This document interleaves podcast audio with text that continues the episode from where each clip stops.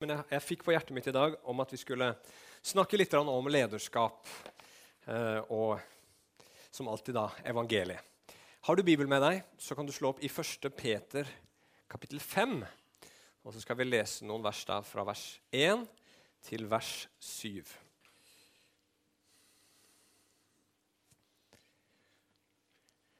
Ok, vi leser. 1. Peter 5, 1-7. De eldste blant dere ber jeg inntrengende, jeg som selv er en eldste og et vitne om Kristi lidelser, og har del i herligheten som skal åpenbares. Vær hyrder for den Guds flokk som dere har hos dere. Ha tilsyn med den, ikke av tvang, men av fri vilje, slik Gud vil, og ikke for vinnings skyld, men av hjertet.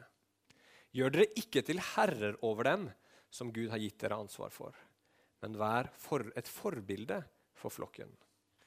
Når den øverste hyrden åpenbarer seg, skal dere få herlighetens seierskrans, som aldri visner.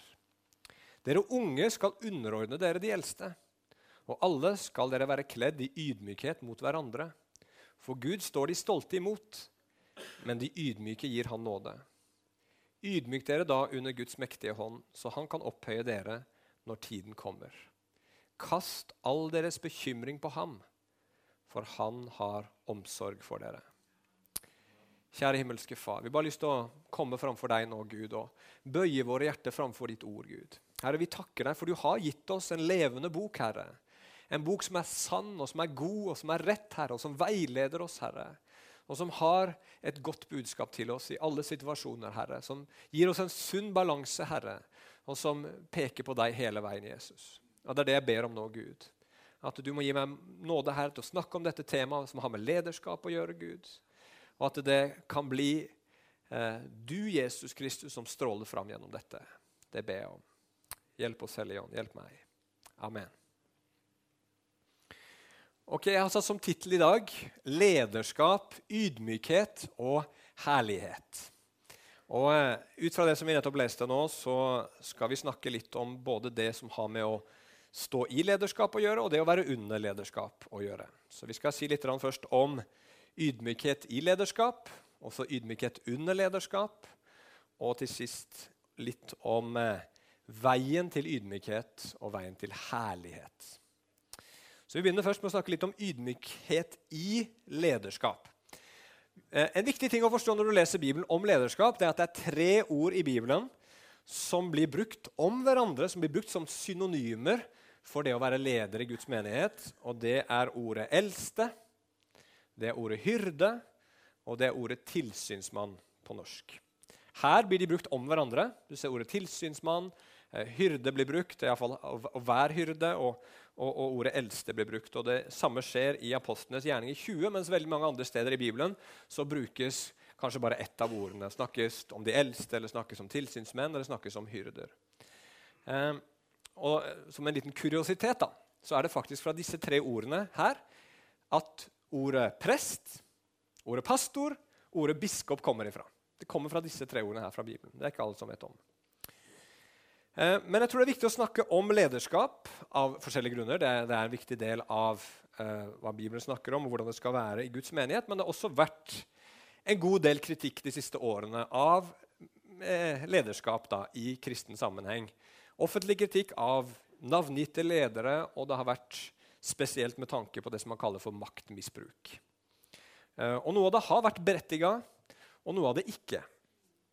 Men det jeg tenker er viktig som en kristen menighet, at vi hele tiden løfter fram den visjonen for lederskap som Bibelen gir oss. For den er god, og den har en nydelig balanse. Den har en skjønnhet i seg som jeg håper jeg kan få lov til å vise litt av ved Guds nåde i dag. Og Det som kommer tydeligst fram her når jeg leser det, i hvert fall, eh, det er, og det er noe som jeg mener kommer tydelig fram gjennom hele Bibelen når det gjelder lederskap, og det er at ledelse, lederskap i kristen sammenheng, er ikke for å framheve sitt eget ego. Han, Peter her kommer med formaninger til disse eldste og han er veldig tydelig. Han sier dette her er ikke noe dere skal gjøre til egen vinning. Dette her er ikke noe som dere skal gjøre for å bli rike på penger. Dette er ikke noe dere skal gjøre for å føle dere viktige eller få utløp for oppmerksomhetsbehovet deres. Dette her er ingen arena for å være konge eller for å være hersker. Kort oppsummert så er det det Paulus, eh, unnskyld, Peter sier. Det fins nemlig bare én konge i Guds menighet. Én konge! Og det er ikke noen i lederskapet her. Men dere skjønner hvem det er. Det er Jesus Kristus. Det er han som er kongen. Men det finnes mange hyrder. Og hvis du tenker på hyrde på Bibels tid, så var det så langt fra en konge som du kunne komme. Det var et lavstatusyrke. Det var liksom de som var nederst på rangstigen. De var hyrdene. Og samtidig så har, så, så har du personer i Bibelen som er viktige ledere, som Moses og David. De kalles for hyrder. Og så kalles Jesus for hyrde. Han sier 'Jeg er den gode hyrde'. Og så kalles Gud for gode hyrde. Enn den gode hyrde. Herren er min hyrde. Jeg mangler ingenting. Og hvorfor i all verden er liksom Bibelens favorittord når det gjelder lederskap, hyrdeordet, hyrdebegrepet? Jo, fordi at hyrden tror jeg beskriver Guds lederskap og kristent lederskap best. En hyrde det er en som har omsorg for og føler ansvar for flokken sin. Hyrden er en som skal lede sin flokk til grønt gress og til kilde med vann. En hyrde skal vokte fårene sine fra ulver. En hyrde skal gå etter dem som har kommet seg bort, og få dem tilbake igjen. Og den gode hyrden, står det i Bibelen, legger sitt liv ned for fårene. En god hyrde ofrer noe. Og det er det Guds folk alltid trenger. Ledere som kan gi åndelig mat og drikke fra Guds ord. For det er det vi trenger. Jeg kan stille meg her opp og komme med masse gode eksempler og masse morsomme historier. Ikke at jeg er så veldig god på å fortelle morsomme historier, men jeg, jeg har jo en og annen gang lykkes med det. Men det hjelper ingen så veldig mye. Men det som hjelper oss, og det vi trenger, det er å få høre Guds levende ord. Det er det som vi lever av, og ingenting annet som kristne. Det trengs noen, og kanskje spesielt i den tiden her, som faktisk tør å være upopulære og stå fast. Når falsk lære av forskjellige slag, når det kommer eh, påstander som er helt på tvers av det Bibelen sier, når mennesker blir forført til å tro at de kan leve på en bestemt måte når Bibelen sier det motsatte, og så tør man da å stå imot og si nei, det er ikke sant. Og det er ikke godt heller å leve på den måten. Det trengs, og da beskytter man flokken, Guds flokk, fra ulvene som vil fortære den, og som vil lede den bort fra sannheten. Det trengs noen som kan kalle kjærlighet i frafallene tilbake. Det har vi jo alle sammen et ansvar for. Når vi ser en bror som synder og kommer bort, så skal vi bry oss om vedkommende. Og så har en hyrde også ansvaret for at hver og en i flokken er sunn, har det godt, har det bra og kan gjøre sin del i den tjenesten som Gud har satt hver enkelt av oss til. Og det betyr lidelse, sier Bibelen. Og spesielt 1. Peter. Det er en bok om mye lidelse. Så et fint slagord det kunne vært ledelse er lidelse. Det hadde gjort lederskap mye mer populært. Det er jeg helt sikker på. Men hvem er hyrden? Overhyrden vår, som det står her? Jo, det er Jesus Kristus. Og han gikk jo lidelsens vei. ikke sant? Han la sitt liv ned for oss. Og når vi tar på oss ansvaret som hyrder, så er det det vi skal gjøre. Og jeg har lyst til å si litt til dere menn også som er ledere for familiene deres. Jeg tror på det at Bibelen sier at mannen har ansvaret for sin familie til å lede den i kjærlighet. Og da er det med de prinsippene her som Bibelen forklarer det med. Altså, Du er ikke i sentrum hvis du skal lede din familie. Du er der for å lide for. Og ta på deg de tunge byrdene. Bære dem for familien din og sørge for dens ve og vel, både åndelig og fysisk. Det er det lederskapet Bibelen viser oss. Og det er ikke alltid enkelt. Det er ikke alltid så gøy. Men det er noe som mann, som leder, er kalt til å si ja, Jesus, til. Jeg vil være med og lide for deg og i ditt rike. Ikke bli leder i Guds rike pga. press eller av frykt for lidelse, men gjør det frivillig. Jesus, du led for meg. Jeg vil lide for deg. Ja, Det står at man skal gjøre det med iver. står det. Av hjertet. Og da tenker jeg at, Hvordan kan jeg lede Guds menighet med iver? Jo, Det må jo være for at jeg har en fryktelig stor tro ikke på meg selv, men på Jesus, på evangeliet, og på at han leder og bygger sin menighet. Da kan man gjøre det med iver, kan man ikke det? Jeg er ikke så veldig mye å skryte av. Uh, uh, ingen ledere er det. Men vi setter ikke vårt håp til oss selv. Og dere som er menighet, må ikke sette deres håp til oss som er ledere heller. Det er Jesus som er vårt håp, og det gjør oss ivrige. Og så er vi også kalt, vi som er ledere, til å være eksempler, står det her. Vi skal ikke herske, men vi skal gå foran. Vi skal ikke være cowboyer. ikke sant? Cowboyene de skyter og driver flokken hit og dit for å få kveg av gårde. Men Guds ledere er ikke cowboyer. De er hyrder som går foran fårene og leder dem som eksempler. Og Det betyr ikke at deres ledere, og ikke meg, i hvert fall er perfekte. Selv om Rebekka nesten kunne gi inntrykk av det i går kveld. Men vi må gå foran i det å ha et ydmykt hjerte framfor Gud.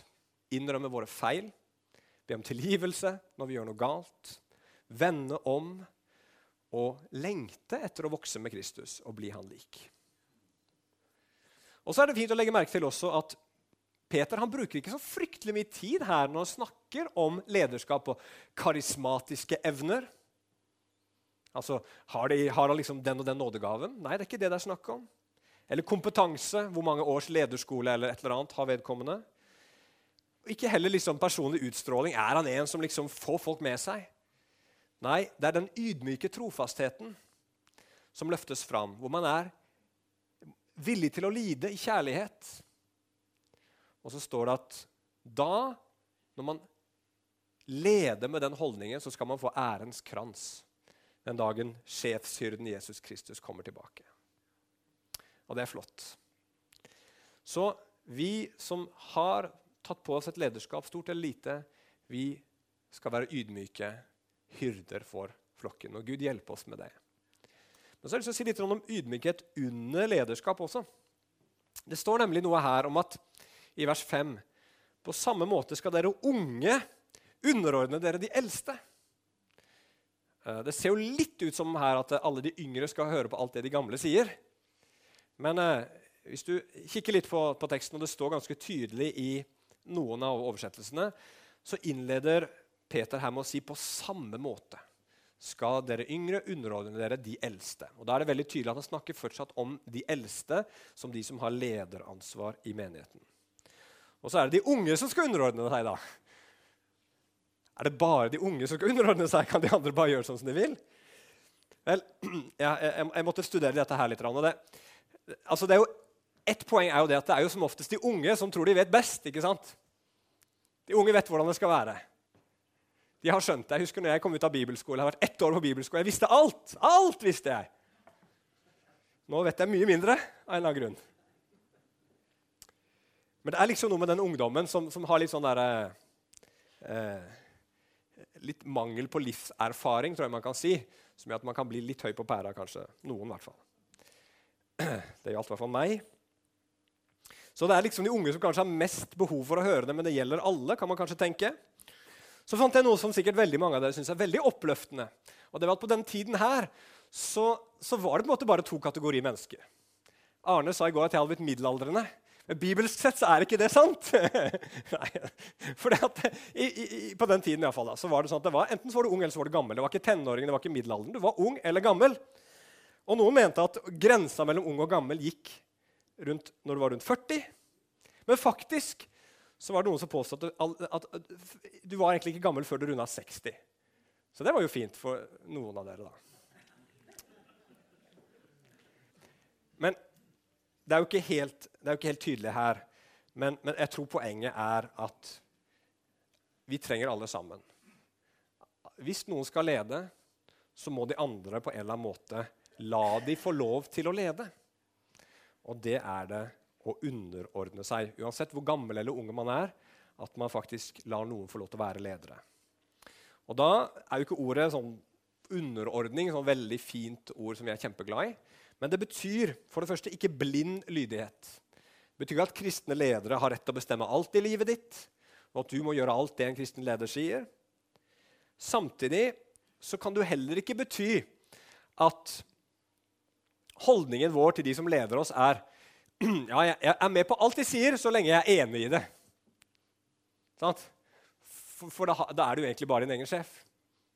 Da er du bare med på det når du sjøl er enig, og da styrer du egentlig alt sammen sjøl. Lederskap det, det, er også noe som er lett å kritisere. Det vet vi alle sammen.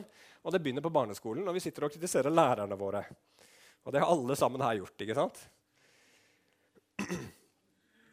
Det er også sånn når du sitter og ser på fotball-VM og eller annen, ja, Nord Nord Norge kommer jo aldri til fotball-VM, så det blir jo dårlig eksempel. Men et lag du heier på, da, spiller en kamp, og liksom det er, eh, det er, angrep og en nydelig pasning til en eller annen spiller rett foran mål. Det er åpent, skyter han, og så brrr, fyker det på siden av målet. Så bare sitter vi der i sofaene våre og spiser potetgull. Og sier vi Åh! Er det mulig? Hvordan i alle dager kunne han bomme på det? Det går ikke an! Ikke sant? Og så er jo sannheten at hvis du eller jeg hadde vært der, så hadde vi garantert ikke truffet ballen engang. Eller for å være helt ærlig så hadde ikke du og jeg vært der foran det målet. Vi hadde vært på midtbanen en plass og så Vent, vent, vent! Og nå, nå prøver ikke jeg også å, å liksom sammenligne lederskap med toppidrettsutøvere.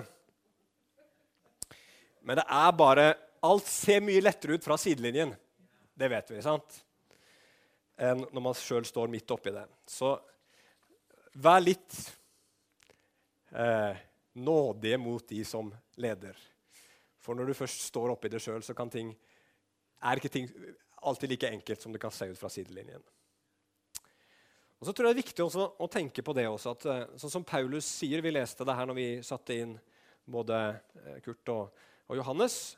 At uh, Paulus sier i Apostlenes gjerning 2028 til de eldste i Efesus Ta vare på dere selv og på hele den flokken som Den hellige ånd har satt dere til å være tilsynsmenn for.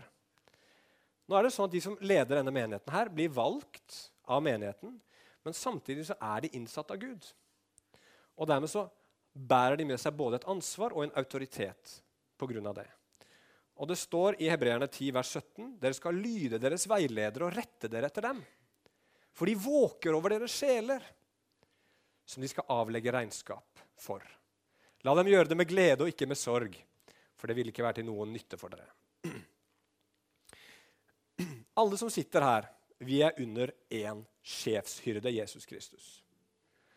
Og med en gang jeg eller en annen leder pålegger dere noe som ikke sjefshyrden selv har sagt i sitt ord, så er ikke dere ansvarlige. Da bærer ikke det noen autoritet fra Gud i seg. Men med en gang vi som stiller oss fram og leder menigheten, sier noe som er i tråd med det Gud faktisk har satt, sagt, da bærer vi med oss Guds autoritet. Og Da er det viktig å ydmyke sitt hjerte og lytte, selv om du kanskje ikke alltid liker pastoren. Eller har dårlig, du har hatt et eller annet som du er uenig med vedkommende i, eller den eldste, eller et eller annet. Men vi står som representanter for noe som er større enn oss sjøl. Og det har ingenting med oss som ledere å gjøre, men det har med Gud å gjøre. Og det må vi ha respekt for. Så der trenger vi alle sammen også ydmykhet. Gud vil ha ydmykhet i lederskap, og Gud vil ha ydmykhet under lederskap. Hvorfor det? Vi skal snakke om det siste punktet nå. Veien til ydmykhet og til herlighet. Jo, sier Peter her, det er bare gjennom ydmykhet, bare gjennom ydmykhet, at vi kan få ta imot Guds nåde. For Gud står de stolte imot, står det i Bibelen. Og stolthet, det kjenner jeg noen som har. Jeg har sett noen noen ganger, og de kan bli veldig stolte. Men det kan jeg òg. Og vi er sånn alle sammen. Det er et eller annet i oss som er stolt. ikke sant? Men da står Gud oss imot når vi er stolte. Men de ydmyke de gir han nåde. Og så er det også sånn at Gjennom ydmykhet så ønsker Gud å gi oss det som han mest av alt vil gi oss. Og hva er det? Jo, det er det som Bibelen kaller for herlighet. I Guds tid, hvis vi ydmyker oss under Hans mektige hånd, så vil Han i sin tid opphøye oss, står det. Og det er Det kan gjelde delvis i dette livet, her, men det gjelder mest av alt i evigheten. Hvor Gud skal løfte deg. Han ønsker å løfte deg høyt opp. Han ønsker å gi deg ære. Han ønsker at du skal skinne evigheten som et levende bevis på Guds storhet, på hans godhet, på hans nåde. Det er den herligheten som han ønsker å kle deg med. Men da må vi nå kle oss i ydmykhet, står det her. Kle oss i ydmykhet. Akkurat som du tar på deg skjorte eller kjole eller andre klær i dag, så skal vi kle oss i ydmykhet.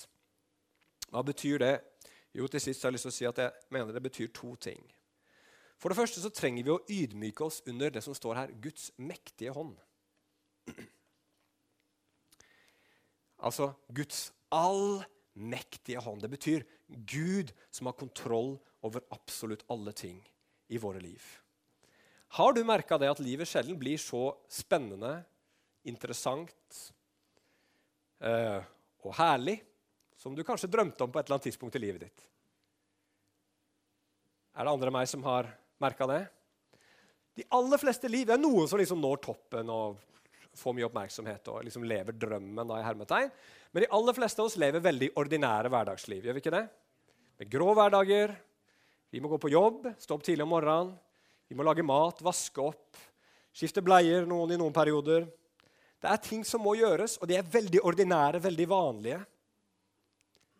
Og I tillegg så inneholder de aller fleste liv vanskeligheter, utfordringer, problemer, smerte, lidelse av forskjellige slag.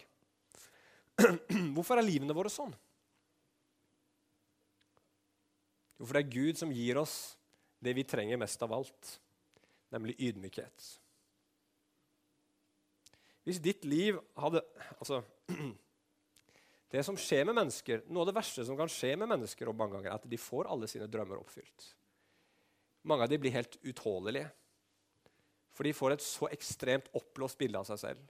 De blir så oppfylt av seg selv at ingen orker å ha noe med det å gjøre. Og Det gjelder veldig mange mennesker som kommer høyt opp. Men fordi Gud elsker oss, så gir han oss veldig ordinære, vanlige liv. Og så gir han oss mange ganger vanskelige liv. Og når du og jeg aksepterer det Gud, gjør med mitt liv sånn som du vil. Jeg drømmer om ditt og jeg drømmer om datt, men gi meg det jeg mest trenger, sånn at jeg kan bli et ydmykt menneske som får ta imot din nåde. Men så står det så veldig fint her i vers 7 at selv om Gud gir oss det vi trenger, så gir han oss aldri mer enn det vi kan bære. Og Derfor står det så bra at vi skal ikke bare ydmyke oss under Guds veldige hånd, men vi skal også kaste all vår bekymring på Han. For Han har omsorg for oss. Vi kan la Guds hånd bare være over vår liv og si, 'Gud, jeg vil at du skal gi meg det jeg trenger.' Og så legger jeg alle mine bekymringer på deg. Og mye av dette her, at vi liksom vil få disse livene våre til, og mye av den synden som kommer fram, handler om at vi vil styre og være konge i våre egne liv. Da kommer det mye dumt ut av det. Men hvis jeg sier til Gud, Gud, gi meg det livet jeg trenger mest. Og så vil jeg tjene deg på den måten som du vil. Vil du opphøye meg, så opphøy meg. Vil du at jeg skal leve et helt enkelt, vanlig liv, så gjør jeg det. For det handler ikke om meg. Det handler om deg. Det er det kristne livet i, sitt, i sin essens og i sitt hjerte. Men så kler vi oss også i, i ydmykhet når vi lever i Guds nådes evangelium. Og det, største, eh, altså det største spørsmålet jeg hadde ja, da ser jeg at jeg har ikke vært så kort som jeg trodde jeg skulle bli, men vi prøver i hvert fall å avslutte nå. da. Det, det største spørsmålet jeg hadde da jeg leste dette, her, det er Hvorfor i all verden innleder Peter som han gjør? Han sier, 'Jeg, som selv er en eldste og et vitne om Kristi lidelser' 'og har del i herligheten som åpenbares' Han kaller seg en eldste. Han sier at han har sett Kristi lidelse. Og så sier han at han, han er på vei til himmelen, sånn kort fortalt. Han kaller seg ikke apostel, han kaller seg eldste. Kanskje for at han vil liksom um, identifisere seg, eller at de skal identifisere seg med han, de han taler til. Men Men så sier han at han er en, et vitne om Kristi lidelser. Ikke om Kristi oppstandelse, for det var liksom et kriterium på at du var en apostel. At du hadde sett Jesus som oppstått. Men det sier han ikke. Han sier heller ikke sånn som han sier i 2. Peters brev. 'Jeg så hans herlighet på fjellet'. Men han sier 'jeg', som var et vitne til Kristi lidelser. Hvorfor akkurat det? Klart at det er et eksempel der til etterfølgelse man som leder skal lide. Men så var det en bok som satte meg på sporet. For hvor var Peter da han bevitna Kristi lidelser? Husker dere historien om det? Jo, han var i Getsemane. Jesus blir tatt i fange, og de behandler han røft. Og hva gjør Peter? Han blir redd og stikker av. ikke sant? Og så fortsetter Jesus å lide hos øverstepresten. Og Der slår de han og spytter på han og, og, og, og behandler han på en nedverdigende måte. Avhører han med løgnere som vitner. Hvor var Peter da? Jo, han var ute i, i bakgården eller forgården eller hva det var for noe, og benekta at han kjente Jesus. Så går Jesus til Pilatus. Han blir igjen eh, begått justismord imot. Falske anklager. Han blir dømt til døden, han blir piska, han blir hengt på et kors. Hvor er Peter da? Vel, jeg tror ikke vi hører et ord så vidt jeg kan huske, i hvert fall om Peter der. Han må ha gjemt seg en eller annen plass i bakgrunnen, full av skam og full av frykt. Når Peter sier 'jeg er et vitne om Kristi lidelse', så minner han seg selv og alle sammen. For de vet dette er offentlig kjent. Det er ikke alle våre nederlag som er det, men det er Peters. Så minner han oss på at han svikta fullstendig. Fullstendig. Og allikevel så sier Peter, 'Jeg som har del i den herlighet som en dag skal bli åpenbart'. Han er allikevel på vei til himmelen. Hvordan er det mulig? Jo, fordi Jesus ga han nåde. For at når Jesus døde på det korset, så var det for Peter. Det var for den synderen som svikta Jesus på absolutt alle mulige områder. Han døde Jesus for. Og så er det så fantastisk flott i slutten av Johannes evangelium, hvor Jesus reiser han opp igjen. Og så han, utfordrer han Peter på om han elsker han like mange ganger som Peter fornekta han. Tre ganger. Og så gir han han oppdraget om å være hyrde for hans får. Og etter det så tror jeg Peter var en ydmyk hyrde på veldig mange måter. Dere vet at Det aller mest ydmykende med den kristne troen, og det aller beste, det er at Bibelen ikke gir deg noe rom for å skryte av deg sjøl. Den er brutalt ærlig om hvor håpløs syndig, mangelfull, svak, ja, ond du og jeg er. Vi er ikke akkurat fantastiske. Skal vi være ærlige på det? Og allikevel så elsker Gud deg. Allikevel så elsker han deg så mye at han sendte sin sønn for å dø for all den elendigheten på et kors. Ta på seg den straffen og den skammen som du og jeg skulle hatt. Og ikke bare det, men han gjør oss til barn av seg. Barn av den levende Gud. Og så får du en fri gave som du bare kan si takk til og ta imot. Det er ydmykende, men det er ikke en ydmykelse. Det løfter deg opp, det kler deg i verdighet. Det sier sannheten om hvem du er. Men samtidig så gir det deg en sånn verdi, en sånn, en, en, en sånn ufortjent gunst, en favør ifra Gud, som, som er vanskelig å forstå men som bare overgår alt noen noen gang har gjort mot oss. Og Da blir du ganske ydmyk når du får noe du vet dette har jeg ikke fortjent. Og så sier Gud, 'Jeg vet du ikke har fortjent det, men jeg elsker deg, og jeg vil at du skal ta imot.' 'Og jeg vil at du skal tro på det. Jeg vil at du skal tro på at du er tilgitt.' 'Jeg vil at du skal tro på at alle dine synder er sletta ut.' 'Jeg vil at du skal tro at du er mitt elskede barn.' 'Jeg vil at du skal tro at du er en arving til det som kommer.' Og da blir vi ydmyke, og da tar vi imot. Og så blir vi fulle av glede og takknemlighet, og så vil vi tjene Gud. Så i dag så skal vi også da ta nattverden sammen nå, og så skal vi ydmyke oss under Gud og hans veldige, mektige hånd som ble åpenbart der på korset. At Gud gjorde syndere til rettferdige, vanhellige til hellige, mørkets barn til lysets barn, de håpløse til mennesker med overflod av håp. Det er oss, dere. Og nå skal vi feire det i Jesu navn.